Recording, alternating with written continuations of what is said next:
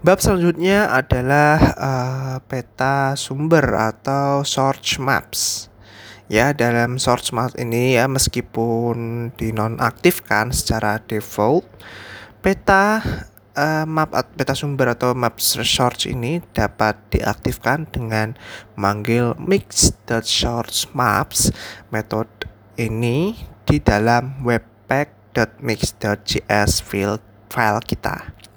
Meskipun disertai dengan biaya kompilasi atau kinerja, uh, metode ini akan memberikan informasi debugging tambahan, uh, debug tambahan ke alat pengembang browser kita atau alat developer browser milik kita saat menggunakan aset yang dikompilasi yaitu mix.js dalam kurung resource slash js slash app.js koma petik public slash css dot source maps